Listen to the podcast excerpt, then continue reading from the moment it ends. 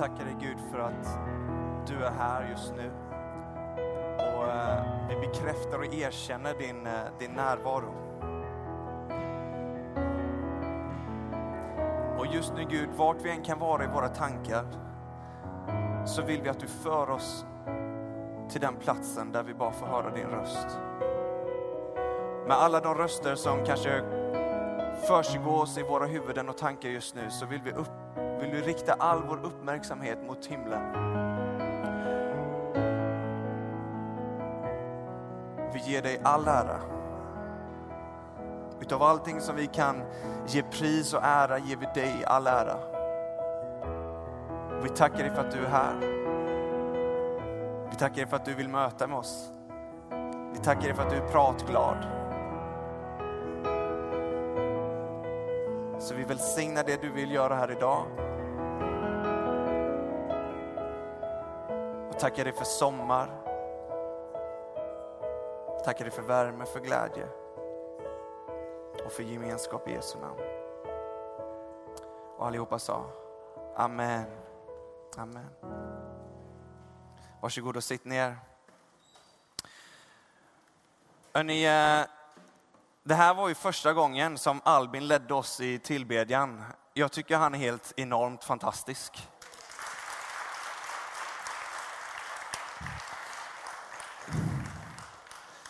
Albin, jag har ju träffat dig eh, eh, genom bibelskolan och eh, jag kan inte understryka, jag har alltid vetat att bibelskola är bra. Men när man ser hur mycket Gud gör på ett år, då blir man helt överväldigad alltså. Och det Gud gör i ditt liv Albin och sättet som du lever ditt liv i, i lovsång, det, det gör mitt liv rikare. Jag är jättetacksam för, för det alltså. Så det, det är grymt. Vi, vi, är rika, vi är en rik församling alltså. Vi anar inte, jag anar inte hur rika vi är alltså. Ehm, fy vad gött. Sören, jag har min preacher towel. Jag har aldrig använt den, för jag svettas inte lika mycket som andra pastorer här i församlingen. Ehm, jag tror att när man börjar göra det, då tar man sin kallelse på allvar. Så jag, jag väntar. En dag kommer jag torka pannan och så kommer jag bara woo, kasta ut den så som man gör på konsert. Nej, det gör man inte i kyrkan. Jag skojar bara. Jag heter Daniel Thorvaldsson och har förmånen att vara assisterande pastor i det här huset. Och det är verkligen en förmån. Det är det bästa jobbet som finns. Jag vet inte vad du jobbar med, men mitt jobb är bättre. Jag älskar detta. Jag älskar att, att få ha förtroendet, eh, att leda gudstjänsten klockan 18 på söndagarna. Nu har vi sommaruppehåll, men vi kommer starta igen i höst. Eh, och idag så kommer, är rubriken på predikan att höra Guds röst. Och det är en sån lämplig bild. Fantastiskt bra bild. Jag har faktiskt inte valt ut den själv, jag har ingen powerpoint. Men den tycker jag är väldigt lämplig. För även om det är sommar och vi brukar ta paus på saker i livet, så tar ju inte Gud paus från att tala till oss, eller hur? Faktum är, jag tänker att semestern borde vara den tid då vi kan lyckas höra Guds röst som mest. Håller du inte med? För det är oftast då som vi är som är stilla. Så jag kommer tala lite om att höra Guds röst. För jag har märkt att många gånger så missar jag vad han säger. Och jag tror det är så viktigt att vi hör vad Gud säger, vad Jesus säger till dig. Faktum är att jag har aldrig haft så här många sidor skrivna. Och han är så pratglad för den här söndagen. Han har velat säga så mycket. Så jag har bara, Gud jag måste stryka lite grejer. Så, ni bara, det låter inte bra. Men det är så mycket som Gud vill säga idag så jag ska försöka slimma det. Men han är pratglad, han talar. Hur många vet att Gud talar? Om du inte vet att Gud talar så hoppas jag att han kommer tala till dig i slutet på den här gudstjänsten. Eh, för jag tror han har någonting. Jag har känt, när jag, har, när jag förbereder en predikan, så jag älskar att förbereda en predikan för att tala Gud som mest. Jag tror det är för att jag stillar mig och verkligen är öppen för vad han vill säga. Och när jag är öppen och stillar mig och bara är, då är det som att hans ord får flöde från himlen ner och så är det som att jag bara får ta emot det som en gåva verkligen. Eh, och jag, och, då, och vad jag får för känsla för den här dagen, för den här förmiddagen, det är att Gud är väldigt ivrig. att han verkligen vill berätta massa saker och han vill tala. Och jag tror Gud kommer tala specifikt till var och en av oss här inne. För han känner dig så väl. Han känner dig bättre än någon annan. Han känner dig bättre än din granne som sitter bredvid dig. Han känner dig bättre än vad du själv. Faktum är att han kände dig innan du ens existerade. Det är skrämmande för många, men ju mer man lär känna Jesus, desto mer underbart är det. Så jag tänker att vi hoppar rakt in i Guds ord och så ska vi välkomna att Gud talar. Och dagens bibeltext är hämtad från Matteus 13, vers 10. Och det här är en liknelse som Jesus berättar. Jesus ville tala till människor. Vart han än gick så talade han till människorna och han använde alltid liknelser. Eh, så jag ska läsa en av dem nu. Och det är en liknelse om såningsmannen. Och eh, det var massa människor där, det var mycket folk och han steg i en båt för att åka ut för att det var så mycket folk, det trängdes. Så han, och så, så sa han så här. En såningsman gick ut för att så. Och när han sådde så föll en del vid vägen och fåglarna kom och åt upp det. En del föll på stenig mark där det inte hade mycket jord. De sköt genast upp eftersom det inte hade djup jord. Men när solen steg så förbrändes det och vissnade bort därför att det inte hade någon rot. En del frön föll bland tistlar och tistlarna växte upp och kvävde det. Men en del av de här fröna föll i god jord och bar frukt. Hundrafalt och sextiofalt och trettiofalt. Och sen säger Jesus så här. Hör du som har öron. Har, vi, har du två öron här idag? Då är det här till dig. Hör du som har öron. Och sen säger han så här, för att lärjungarna förstod inte riktigt vad han menar med den här liknelsen. Dela gött. Ingen fattar vad Jesus säger. Så i efterhand kommer lärjungarna och frågar, du, vad är det du säger? De frågar så här, Jesus, varför talar du till dem i liknelser? I vers 10. Han svarade dem, ni har fått lära känna himlens hemligheter, men det har inte det andra. Ty den som ska få, och det, och, ty den som har ska få, och det i överflöd. Men den som inte har, från honom ska tas också det han har.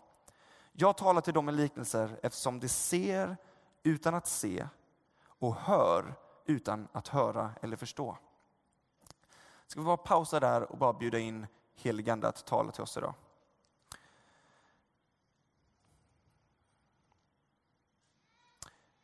Heligande, vi tackar dig för ditt ord.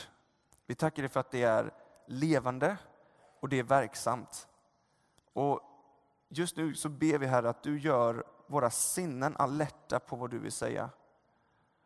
Gör, så att, gör vår hörsel bra, rätt frekvens på vad du vill säga till varje person här inne. För vi är hungriga att få höra från dig. Gör våra hjärtan mottagliga så att fröna verkligen får landa i god jordmån den här morgonen. Vi tackar dig för god jordmån i varje hjärta här inne.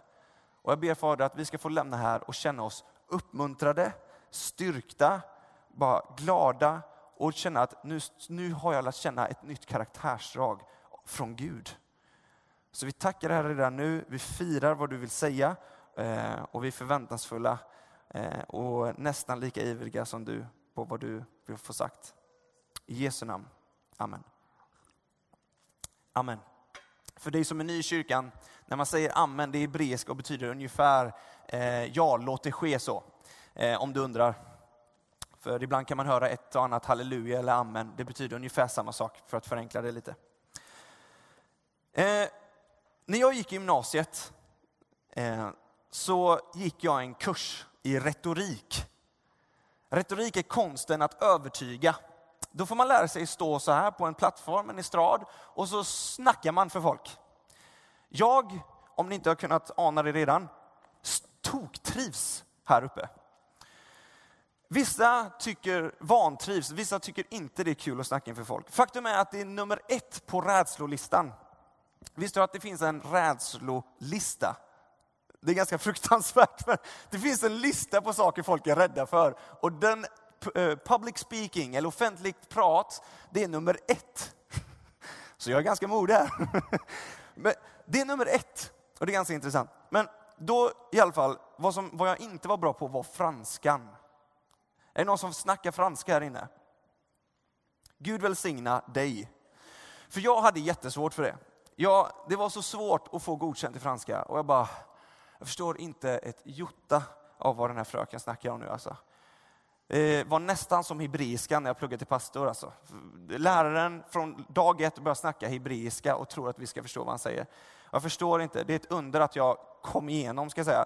För att, så jag tänkte så här, okej, okay, för att få godkänt i franska, då behöver jag övertyga min lärare om att jag är värd ett väl godkänt.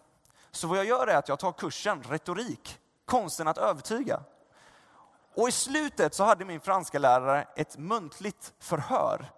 Det här muntliga förhöret var otroligt betygsgrundande. Eh, det var där det avgjordes vart på eh, betygsskalan du ligger. Så vad som hände var att jag skrev ett retoriskt tal på franska eh, till min franska lärare om varför jag skulle ha ett högre betyg än vad han hade gett mig. Och då lär man sig övertygandets och retorikens, gamla grekernas ädla konster om logos, patos och etos. Man kopplar till känslan, man får han att verkligen titta honom i ögonen. Det finns massa olika knep man kan för att övertyga folk om saker. Och jag kör alltihop. Jag kör hela regelboken. Och han ger mig väl godkänt. Eh, vissa av er bara, du är så oförtjänt av det här jag skrev faktiskt väldigt bra tal. Jag vet inte om det var därför som han gav mig väl godkänt, eller på grund av retoriken, men jag fick väl godkänt. När jag läser vad Jesus snackar om här i sin liknelse, så använder han inte någonting av de här retoriska knepen. Och jag tycker det är så underbart att vår Herre inte är ute efter att smickra någon. Faktum är att vissa saker som jag kommer läsa upp här kommer säkert vara ganska stötande. Ganska jobbigt att höra. Jag tänker att det stödjer på att det han säger är sant. För Jesus är ingen people pleaser. Det är ett av mina största grejer, det är att jag vill plisa människor. Och det är vad Gud bollar med mig hela tiden, för det går, roten går ner till självbild.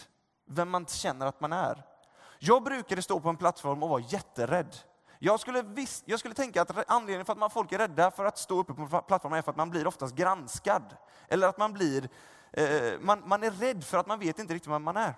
När jag lärde känna Jesus och hörde hans röst för första gången, då kände jag mig rakt igenom känd. Alltså det finns inget bättre än att bara veta att man är känd. Att någon vet om vem du är. Och inte bara lite heller, utan rakt igenom. Någonstans började Gud bolla med min självbild om vem jag var. Så att istället för att stå på plattformen för att försöka hävda sig, så var det som att man vill bara vända sig om och bara gå ner på knäna och bara lyfta upp honom som faktiskt är, som Jack sa här förut. Han sa, det är ju honom som vi har gudstjänst för. Och jag är helt övertygad om att han vill tala till oss idag. Så jag kände häromdagen och tidigare i veckan när jag förberedde den här predikan, så var det, Gud, vad vill du säga?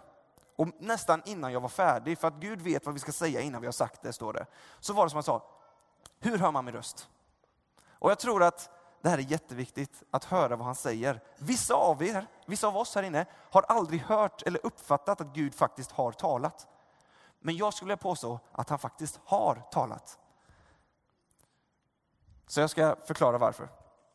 Men jag älskar att Jesus, han använder inte retoriska knep när han talar med människor. Han använder liknelser för att göra det lättare för folk att förstå. Eh, men jag, jag ska vara ärlig, jag förstår inte riktigt vad den här liknelsen handlar om fortfarande, så jag, jag kommer till det senare. Eh, men Paulus skriver i första Korinthierbrevet 2.4, han skriver till församlingen där, så säger han, mitt tal, det jag talar ut, och min predikan kom inte med övertygande visdomsord. Det kom inte med massa smickrande, kolla i ögonen, logos, patos, etos. Utan vad säger han? Nej, utan med bevisning i ande och i kraft. När Gud talar så kommer det i ande och i kraft.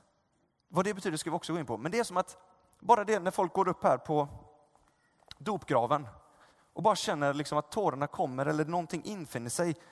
En känsla av kanske att vara känd. Då kommer det i ande och i kraft. Och det har inte ens kommit någon hörbar röst. Men man vet att Gud är där. Och jag tror det är så viktigt att vi börjar urskilja, vart är Gud? För jag tror att Gud försöker nå oss hela tiden. Och jag tror att ibland så blir han så desperat att han måste bara få flamma upp i en buske eller något. För att vi fattar inte. Ibland måste han bara, men okej, då skriver jag väl på väggen då. Men jag kan lova dig, det är ofta, antagligen hans sista utväg. För han har säkert försökt förmedla på andra sätt. Att höra Guds röst. Att höra Guds röst. Eh, det är som att han snackar om en annan typ av övertygelse. Inte övertygelse i massa ord och sånt, utan Hebreerbrevet 11.1 säger tron är en övertygelse om det man hoppas. En visshet om ting man inte ser. Det är det som infinner sig i den här liknelsen. Här så talar Jesus om, eh, om, om en såningsman som är ute och sår. Jag kan lova dig att här i den här, i den här publiken som, som Jesus talar till, så är det antagligen väldigt mycket bönder och jordbrukare. Tyvärr tror jag att det var många som lämnade den här liknelsen och tänkte, bra, nu har jag lärt mig lite nya knep om hur man fixar jordbruket hemma. Men Jesus, förhoppningsvis så försöker han lära oss någonting mer bakom. Förhoppningsvis. Ett, en grej jag lärde mig på den här retorikkursen också, det var att man, man ska tänka på vem man talar till, vilken målgrupp man har framför sig. För att ett budskap ska kunna gå fram, jag tar lite så här och sen kommer vi in på det bibliska, jag hoppas det är okej. Okay. Och det är att det, det måste vara någon som sänder ut ett budskap. Och sen måste det vara någon som tar emot ett budskap. Är ni med? Så för att ett budskap ska gå fram så har man en sändare, kallar man, och en mottagare. Enkelt sagt så behövs det någon som talar och någon som lyssnar. Det är så vi vet att vi har fått någonting, eller hur? Det är så vi tar emot. Vissa är bara, det här, ja, det är självklart. Vi börjar från grunden så bygger vi upp här, så att jag ser till att jag får med mig alla av er. För att vi kommer djupdyka lite sen. Så någon som talar och någon som lyssnar. Men det här är inte så enkelt som vi tror. Så ge mig inte den blicken alltså, för jag vet att det här är svårare. Hur många här inne vet att det ibland är väldigt lätt att tala, men det är inte så lätt att lyssna?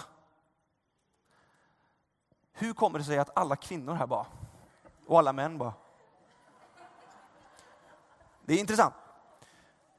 Alltså, jag är ju perf- jag, jag är så duktig på att tala, men jag är den sämsta på att lyssna ibland alltså.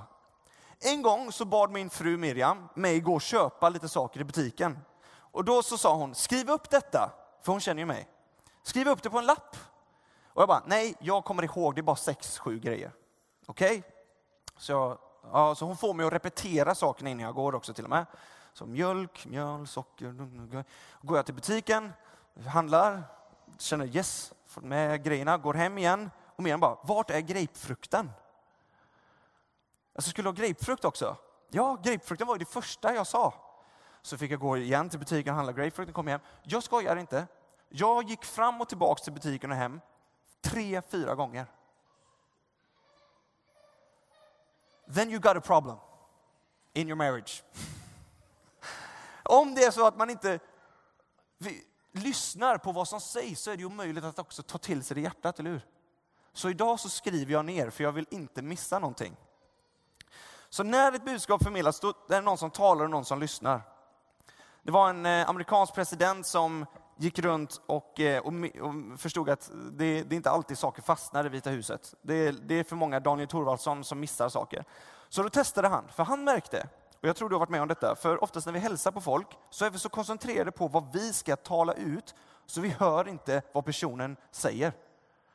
Hur många gånger har inte jag fått be, ursäkta, vad var det du hette igen? Ursäkta, vad var det du hette igen? Jag har, har jag märkt, varken ansiktsminne eller eh, något minne överhuvudtaget för den delen. Så jag måste fråga flera gånger. Och vet du vad? Det här, jag ska vara ärlig här. Jag skäms. Jag skäms. För jag är pastor. Jag känner mig ibland så dålig. Och så får jag gå till Jesus och bara, ah, men du, liksom, så, så känner jag mig uppmuntrad. Men att man inte kommer ihåg folks namn. Jag vill verkligen bli bättre på det. Jag vill bli bättre på att lyssna. Guds ord säger, du ska vara snar att vadå? höra, lyssna och sen att tala. Jag gjorde en tumvers en gång och slog upp i Bibeln och så stod det, det är mer hopp för dåren än den som är snar, snar att tala, stod det. Och jag bara, något, något annat. något annat uppmuntrande. Men det är som att Gud bara, jag har gett er mitt ord. Jag, jag, vi, ni kan läsa det hela tiden, men det är som att vi missar det flera gånger. Men i alla fall, den här Theodore Roosevelt som var en amerikansk president, han gick runt och presenterade sig för folk och då en dag så beslutade han sig för att säga I murdered my grandma, när han presenterade sig. Så han gick runt så här och så presenterade han sig för folk och så, så kom de och så sa de Hello Mr President, how are you doing today? I murdered my grandma yesterday. Oh that's fabulous. Keep up the good work. Och så gick de iväg. De hörde ju inte vad han sa. Och så gick de vidare så och så sa han så I murdered my grandma yesterday. That's excellent Mr President. I'll see you next week. Och så gick de runt så här tills det var en boliviansk president som sa I'm sure she had it coming, Så han bara. Och jag tror, jag tror någonstans att det är som att vi, glöm, vi är så snara att tala men sena att höra. Men Gud, jag, jag, säger detta för att det, det, är som att Gud talar hela tiden. Och vi måste bara lyssna och vara i en position av lyssnande. Så vi ska göra det senare i gudstjänsten här. Så konsten att höra Guds röst tror jag ligger i lyssnandet och i relationen med honom. Att faktiskt veta vem han är. I Johannes läser vi ett, om detta. Det står så här. Innan det ska jag säga en sak förresten. Eh, jag och Miriam, vi, vi kommer få en son i november. Eh, det är helt underbart. Jag tycker det, det är vecka 23 nu, vecka 24. Och jag tycker det är fantastiskt. Jag läste en artikel om det där för att jag har en liten baby-app på min telefon. Och där kan jag läsa lite om mamman och barnet och det står väldigt mycket om det. Sen kommer det till partnern, till mig då, och det står knappt någonting. Det står bara lite grann så här, ja nu, nu kanske det, eh, vad brukar det stå? Det brukar mestadels bara bekräfta vad som sker med mamman. Så det, liksom så här. Men redan nu kan vårt barn höra min och Miriams röst. Är inte det fantastiskt? Jag läste en artikel om att när barn föds så riktar de sin uppmärksamhet direkt till mamman eller pappan. För de känner igen rösten. Det tycker jag är fascinerande. Det är som det ligger inpräntat i vår skapelse, i vårt DNA, att känna igen röster.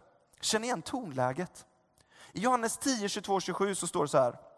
Jesus han går i, tempel, eh, i templet. Eh, nu kom tempelinvigningens högtid i Jerusalem. Det var vinter och Jesus gick omkring i Salomos pelarhall i templet.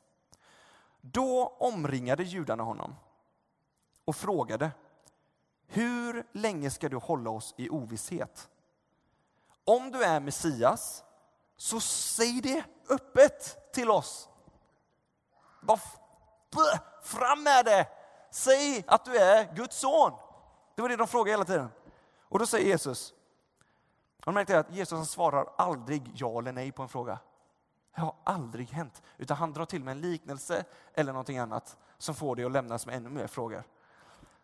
Jag har sagt det till er, men ni tror det inte. Gärningarna som jag gör i min fars namn vittnar om mig, men ni tror inte, för ni hör inte till mina får. Lyssna på detta. Mina får lyssnar till min röst och jag känner dem och de följer mig. Alltså det är något otroligt. Jag skulle bara vilja trycka på paus här en stund. Jag brukar ha det i bibelskolan när jag undervisar. Jag har en paus och play-knapp. En pausknapp trycker jag på när det verkligen behöver sjunka in. Och det här måste sjunka in i oss. För vi är hans får. Och vad utmärker han, Jesus får? Jo, de hör hans röst. De lyssnar till den. Och han känner dem. Jag vet inte om du är här idag och du kanske aldrig har hört Guds röst. Du kanske inte ens tror att Jesus finns. Men då skulle jag bara vilja förmedla detta, och det tror jag kommer från honom. Att han känner dig. Om, även om du inte känner honom så har han känt dig innan du blev till. Jag tror ibland är vi så fokuserade på att vi ska lyssna på honom. Och att vi ska höra han, att vi, att vi känner honom. va? Jag måste se till att jag känner, känner Gud, jag måste se till att jag är nära. Men vet du vad? vad, vad, se det från hans perspektiv en gång och bara se hur nära han faktiskt är. Det är mer otroligt att han känner dig än att du känner honom först och främst. Och därifrån så är det som att det börjar någonting. Va? Men folk börjar liksom fråga, kan du inte bara säga det rakt ut? Johannes döparen, han satt i finkan en gång och höll på att skulle bli halshuggen. Då infann sig tvivel. När saker händer i livet och vi känner att nu pressar det på, det är då alla de här frågorna börjar komma. Sa Gud verkligen? Alltså, är Gud verkligen, alltså hörde jag rätt? För då vill vi verkligen veta. Och jag kan bara sätta mig in i Johannes situation. Johannes döparen som liksom vittnade om Jesus när han skulle komma. Han sitter och ska bli eh, halshuggen. Då vill man veta att det är Jesus som faktiskt är här. Så han skickar bud med sina lärjungar till Jesus som ska fråga Jesus, är du den vi har väntat på? eller ska vi vänta på någon annan? Det vill säga, jag sitter i fängelse här och jag bara känner att det smakar lite beskt om att världens frälsare är här och det händer massa grejer, men jag sitter i finkan.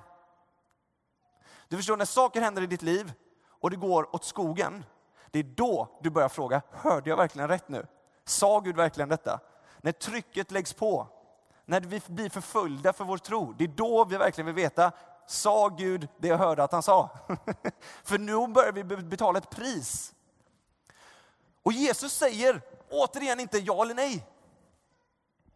Är det inte störigt? Han säger till hans läs, hälsa Johannes det här, att blinda ser, döva hör och döda, de, de går mitt på gatorna. Ja, men det är ju roligt, det är ju nästan ironiskt. Varför är det bara det han behöver höra? Varför inte bara säga, ja, jag är Messias, det är jag, ni behöver inte vänta mer. Han säger inte det, snarare tvärtom. När Jesus gör under med de här spetälska, de som, de har, det är en sjukdom där, som äter upp hela kroppen i princip, och så helar han tio stycken. Tjoff bara. Och så säger han till dem, gå inte och berätta det jag precis gjorde med er. Varför? De sprang och berättade för hela stan. Det är som att Jesus vill dölja någonting. Det är som att han lägger locket på lite för att det inte riktigt är tid eller någonting ännu. Men det enda vi behöver veta det är gärningarna som han gör. Han säger till fariseerna som mötte honom i templet, om vi kommer tillbaks lite.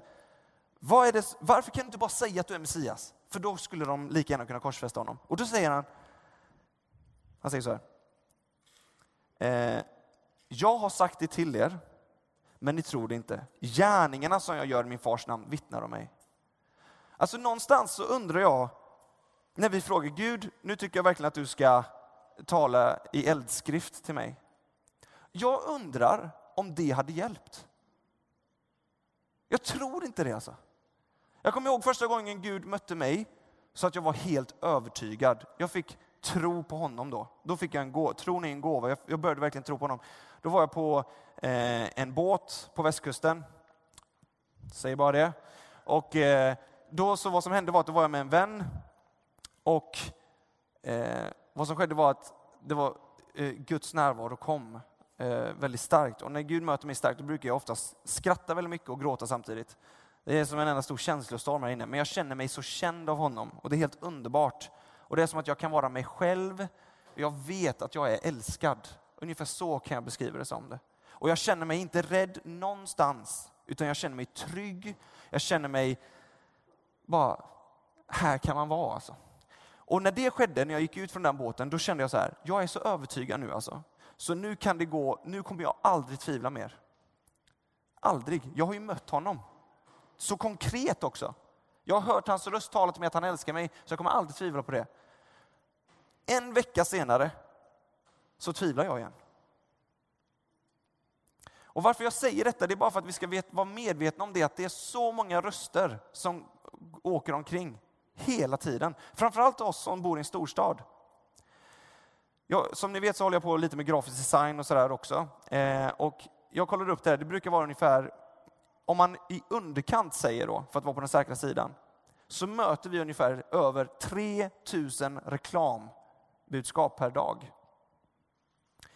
Ungefär hälften av dem fastnar. Det innebär att du får ungefär 1500 olika ads per dag som du faktiskt kommer ihåg. Medvetet som undermedvetet. Det är helt sjukt ju. På din telefon är det ännu värre. Det är som att du får så många budskap per dag och så många olika röster som du kan lyssna till per dag. Så jag vet inte vad alltså. Och jag tror, Gud, jag tror Jesus idag vill ge dig en urskiljning, att kunna bara lyssna att det här är hedens röst. Och det är någonting som får faktiskt tala om vilka vi är. Det, vilka, är det som, vilka är det som följer Jesus? Det är de som hör hans röst och känner igen den.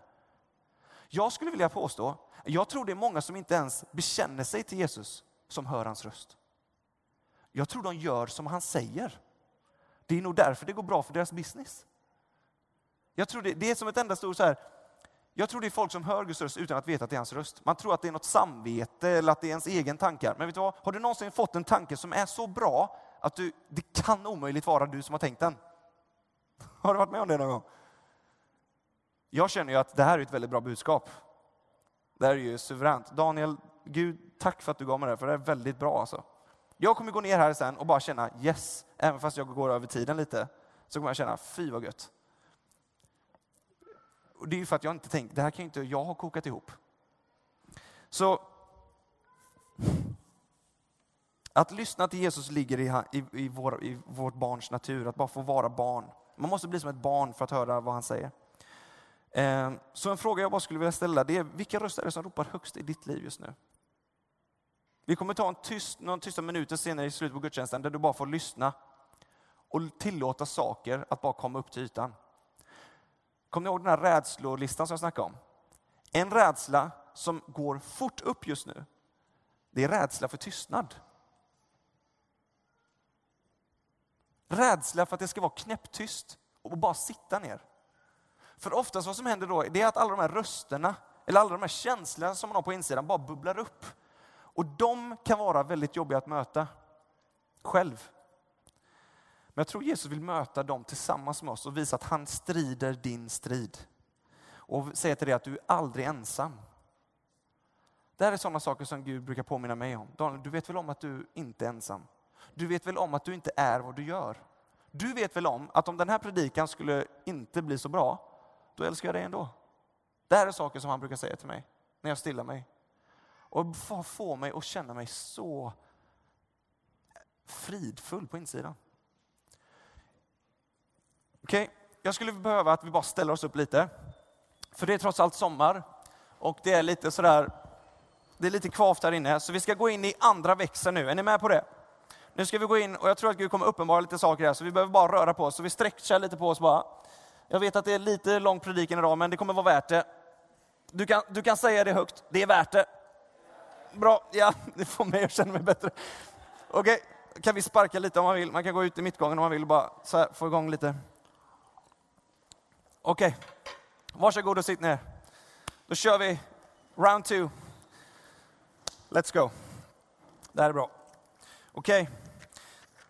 Jag skulle vilja ta vår uppmärksamhet tillbaka till liknelsen som Jesus snackar om här. Liknelsen om såningsmannen. Jag tror vi kan hitta några nycklar där i att höra hans ord. Eh, Jesus säger i en parafras, i en annat ställe här, för Jesus har 12 lärjungar och sen har han 70 som han sänder ut. Och de här 70, när de går ut, börjar be och göra det som Jesus säger till dem, att, som han har sagt. Har, Jesus har talat, han har hört, de har hört och så börjar att, att göra det han säger att de ska göra. Plötsligt så börjar de se att när de lägger händer på sjuka så blir de friska. Och när de lägger händer på döda så får de liv. De blir ju alldeles utom sig. Sätt in dig i situationen att du lägger händerna på någon som inte ser. Ber i Jesu namn att de ska kunna få synen tillbaks och så börjar de se. Reaktionen är ju euforisk alltså. Alltså när man ber för någon och den blir frisk. Det är Guds rike på jorden som sker. För I Guds rike finns ingen sjukdom. Han, det är liksom, han, vi skapar att leva friska och fria från sjukdom. Och då, säger, då när de kommer tillbaka till Jesus så säger Jesus så här. Då börjar han att jubla. Jesus är så glad att de har fattat grejen. De har hört, förstått i hjärtat. De har förstått hemligheten. Det som är dolt har nu blivit synligt för dem. Och, då, och, han, och han säger så här. I samma stund så jublade Jesus i den helige Ande och sa, jag prisar dig Fader, du himlens och jordens Herre, för att du har dolt detta för visa och kloka, men uppenbarat det för olärda och små. Ja, Fader, detta var din goda vilja. Så uppenbarligen är det som att Gud döljer vissa saker. Det är som att han döljer vissa saker. Han berättar inte helt ut att han är Messias, Guds son, utan han vill att gärningarna ska visa det, det ska bli uppenbart. Han vill inte övertyga med, med massa retoriska knep och regler, utan han gör det i ande och i kraft. Vi försöker liksom urskilja hur Guds röst låter. Tonläget. Ibland kan vi höra Guds röst, men det är också att känna hans tonläge. Så att verkligen höra, nu är det Gud som talar och vara viss om det. Att när han säger, du är underbart skapad. Du är vacker. Jag är gift, men jag upplever verkligen att det är många tjejer här inne som behöver ta det till sig. Att Jesus säger, du är fantastiskt vacker. Du är vackert skapad.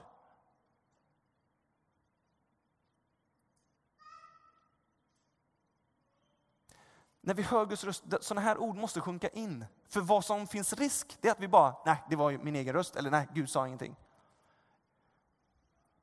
Det sker ibland när man ger varandra, inte komplimanger, men verkligen ord av, av sanning. Att man liksom bara, ah, äsch, så här, och bara reflekterar bort det. Eller så fort någon ger dig en komplimang eller ett ord av sanning, att du är, att du är fantastisk, så, så är det som att du måste ge något, säga samma sak om personen som gav det till dig. Det är som att vi har svårt att ta emot Guds röst ibland, tror jag. Så då använder Jesus liknelser. Men ändå när han använder liknelser så säger många, många skulle säga att Jesus använder liknelser för att, för att göra det lättare för oss att förstå. Och jag skulle bara vilja lyfta fram att jag tror han gör det för att dölja saker också. Och missförstå mig rätt här, för det här kan låta väldigt konstigt. Men Jesus säger i Lukas 10.21 så säger han så här att i samma stund så jublade Jesus och sa så här, Herre, tack för att du har dolt detta. Varför skulle, Jesus, varför skulle Gud dölja grejer? Det är som att det är en Guds timing i allt han säger. Han berättar inte allt på samma gång, utan han börjar sakta men säkert. Så när Jesus gör det här så kommer lärjungarna till honom och säger, varför berättar du i liknelser? Och då så säger Jesus att för er, ni har, ni har blivit visade, Gud har uppenbarat hemligheter för, för er. Men för alla de som är här har han inte gjort det. Det är som att det är någonting som krävs för att höra Guds röst ändå. Det är inte som att det bara plötsligt kommer att vara där kanske. Utan det krävs någonting. För som vi sa så krävs det någon som talar och någon som lyssnar.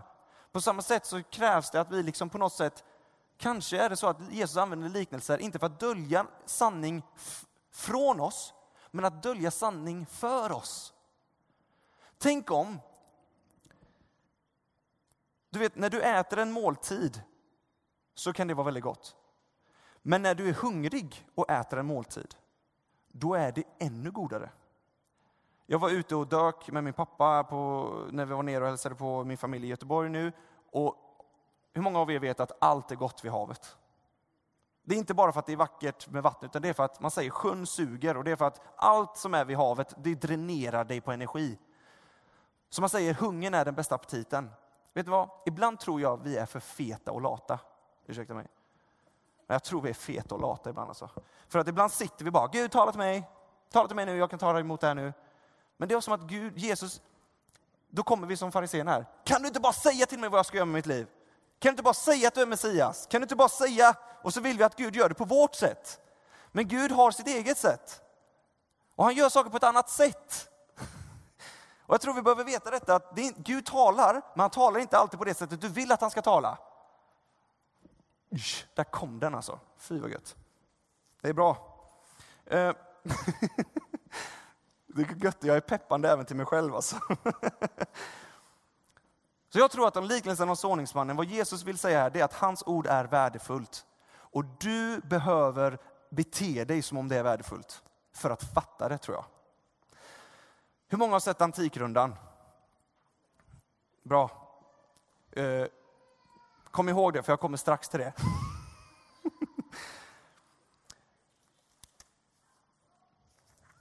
nu ska vi strax avsluta här. Jesus säger så här att eh, jag talar till dem i liknelser eftersom de ser utan att se och hör utan att höra eller förstå. Ibland så är det som att vi kan höra någonting eller se någonting, men vi tror ändå inte på det. Jesus valde att födas in i ett stall, mest otippade platsen för en kung. Som om vi bara skulle faktiskt välja honom av ren och skär vilja, att verkligen vilja. Så jag tror att när Jesus säger, de som har ska få mer. Har vad då? Jag tror han talar om öron. De som har, han säger, de som har öron hör.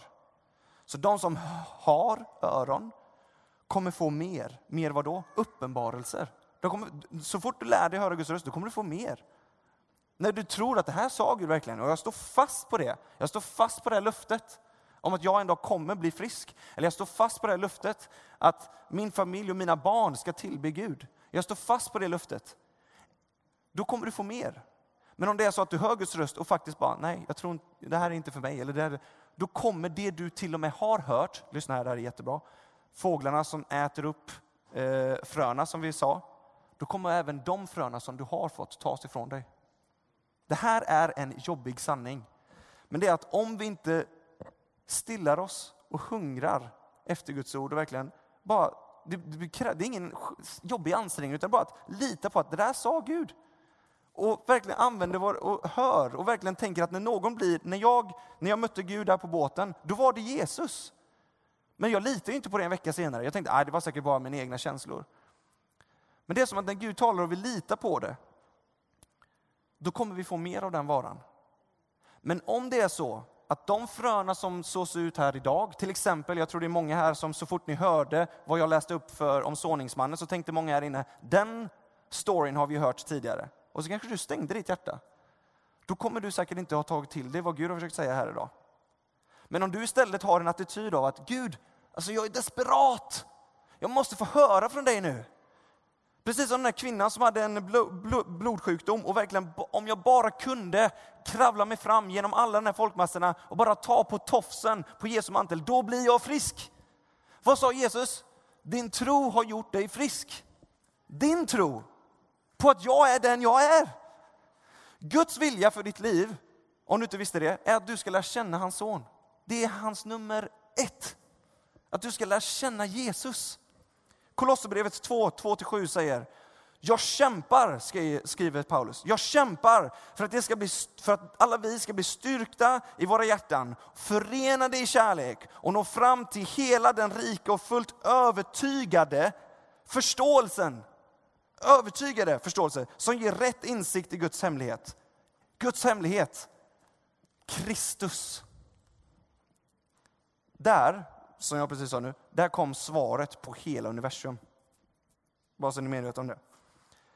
Här berättar Paulus precis vad allt handlar om. Det som har varit dolt, det som ingen visste om, det som inte ens fienden visste om. Det var att Jesus skulle komma in på bana ett, dö för hela världen. oh, jag måste sluta, jag, jag blir hög på att predika, alltså, det är så himla bra.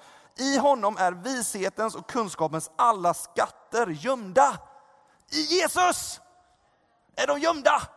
De är gömda i Jesus. Du måste vara nära honom, bara kittla honom. Vissa av er måste kittla Jesus lite mer. Och bara, Jesus, berätta för mig nu, hur, hur ligger det till? I honom är alla skatter gömda.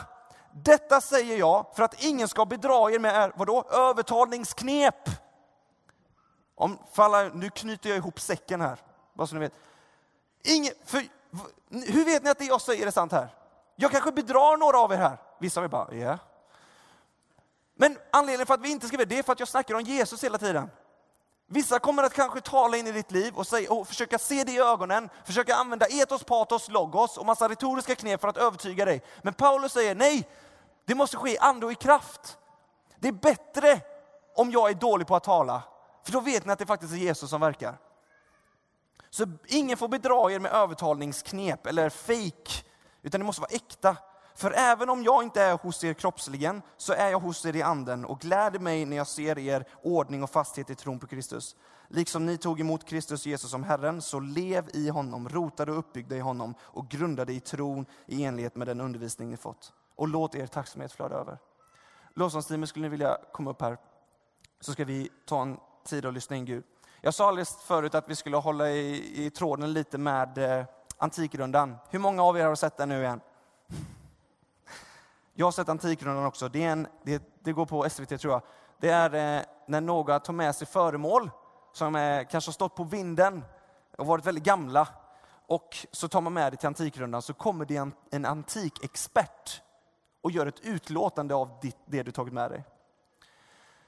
Vad skulle hända om du tar med dig ett skåp från din vind eller din källare. Som har stått där och samlat damm i flera år. Och så säger den här antikexperten att ditt skåp är värt 3,5 miljon kronor. Vad, vad händer med det skåpet? Man tar ner det från vinden. Eller upp från källaren och man ställer det i vardagsrummet så att alla kan se det. Känner ni igen? Sätt det inte under skeppan Nej! This little light of mine, I'm gonna let it shine. This little light of mine, I'm gonna let it shine.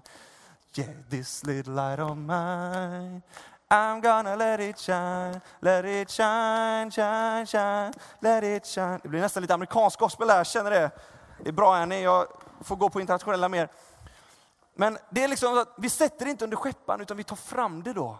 För att vi har funnit skatten. Jag tror det här har gått fram nu så det är bra. Vi ska ta och göra så att vi ska ta och lyssna in Gud. Och, och jag tror verkligen han kommer ge dig skatter nu alltså. Och när du får ett ord från honom, när du hör han tala, det kan vara i form av en känsla, det kan vara i form av en bild, det kan vara i form av en tanke. Det kan, kan vara en hörbar röst, men oftast, min erfarenhet är att oftast går ljud enbart genom hörbara rösten, om du inte har fattat när han har talat till dig genom tanken. Så ska vi ta en tillfälle här och bara lyssna in Gud. Och så ska vi göra någonting som många är rädda för, det är att vi ska vara helt tysta. Och så kommer jag be att Gud talar till oss. För jag tror att han verkligen är ivrig att få göra det. Så om du känner dig mer bekväm med det så kan du blunda också bara för att för att det är lättare att tömma bort alla andra röster då. Jesus, vi, vi är här för dig och jag ber just nu att du kommer med din, med din röst, att du talar till oss här inne.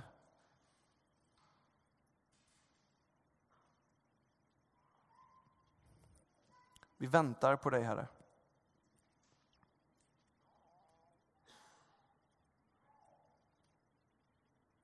Jag tackar dig för varje hjärta som verkligen har längtat länge att få höra din röst.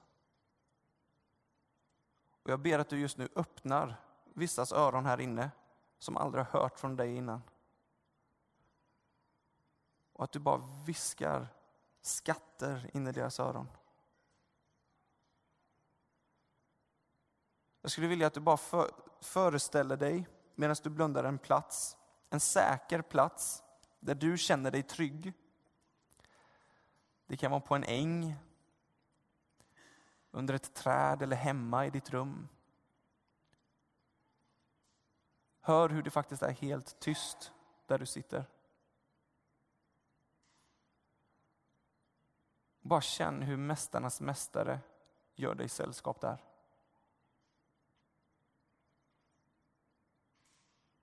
Se vad han har på sig. Se hur han rör sig, hur han kommer in. Allt han gör har syfte och mening. Våga titta upp och se honom i, i ögonen. Hur ser han ut?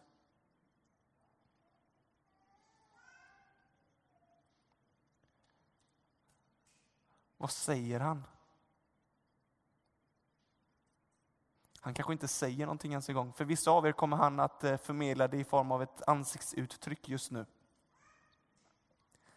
Och det är som att han vet exakt vad du går igenom. Bara försök att inte flicka eller flacka med blicken utan bara fortsätt titta på honom.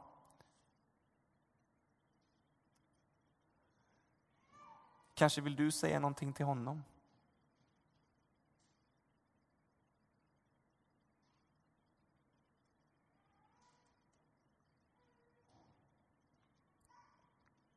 Herre, jag välsignar vad du säger till alla här inne just nu. Och vi tackar dig Fader för den friden som, som är här inne.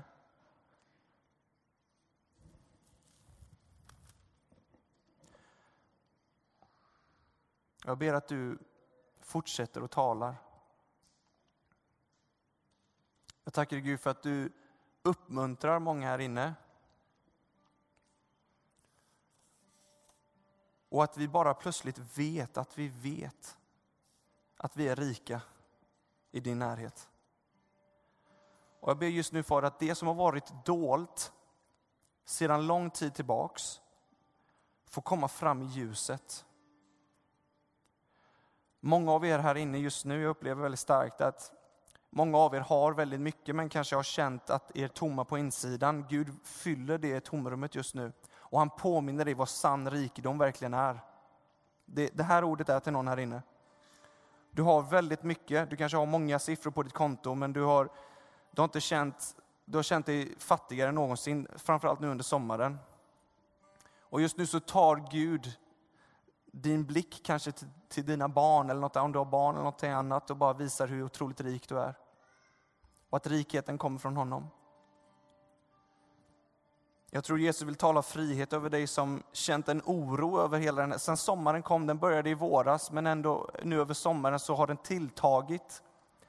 Jag talar frihet in i ditt liv. Jag tror också att det är någon som, du är känd för att vara en väldigt glädjefylld person. Du är känd för att vara väldigt glad. Och det är en äkta glädje. Men nu, kanske förra hösten eller i våras, så var du eller någon i din närhet med om någonting som gjorde att du har tappat din glädje. Du kanske till och med tar på dig skulden för någonting som har skett. Jag upplever väldigt starkt hur Gud kommer med omsorg om ditt hjärta. Han har en sån otrolig omsorg om dig. En otrolig omsorg om dig. Han talar till dig just nu och du börjar känna igen hans röst.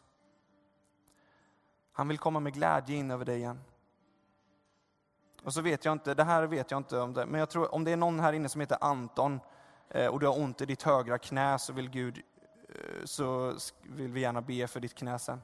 Jag talar att det knät blir bra i Jesu namn. Så vi tackar dig Gud för vad du säger och vi ber att du fortsätter att tala till oss. Även imorgon och resten av den här sommaren. Och vi älskar att höra dig tala.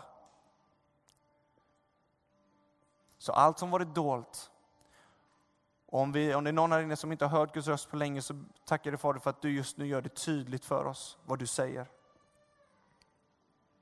Jag tackar också Fader sist att du förlöser en hunger i oss att alltid söka ditt ord. Att vara desperat över och ivriga över att höra ditt röst, din röst, precis som du är ivrig att tala till oss. I Jesu namn. Amen. Vi kommer göra så att vi kommer fortsätta vara i tillbedjan och, och lovsjunga honom. Och eh, om det var något av de här orden som stämde in på dig så skulle vi jättegärna vilja be tillsammans med dig. Eh, och då har vi några förebedjare som, som står här. Eh, förebedjare, ni kan gå dit nu om ni skulle kunna. Och så ber vi jättegärna tillsammans med dig. Om det är något annat som du känner att Gud talar till dig men du behöver vägledning i så ber vi jättegärna med dig också. Så fortsätter vi vara inför Guds ansikte. Se denna platsen som ditt vardagsrum. Se den här platsen som en plats där du är fri att vara dig själv, att du kan gå runt om du vill det, sträcka upp händerna om du vill det, sitta ner om du vill det. Men Gud är här och hans frihet är här. Men jag fick verkligen upplevelsen av att det är många av er som tar ner ett förråd, ett skåp från vinden. För att ni inser hur värdefullt det är, som Gud har delat till dig kanske många år sedan. Men det är sant än idag.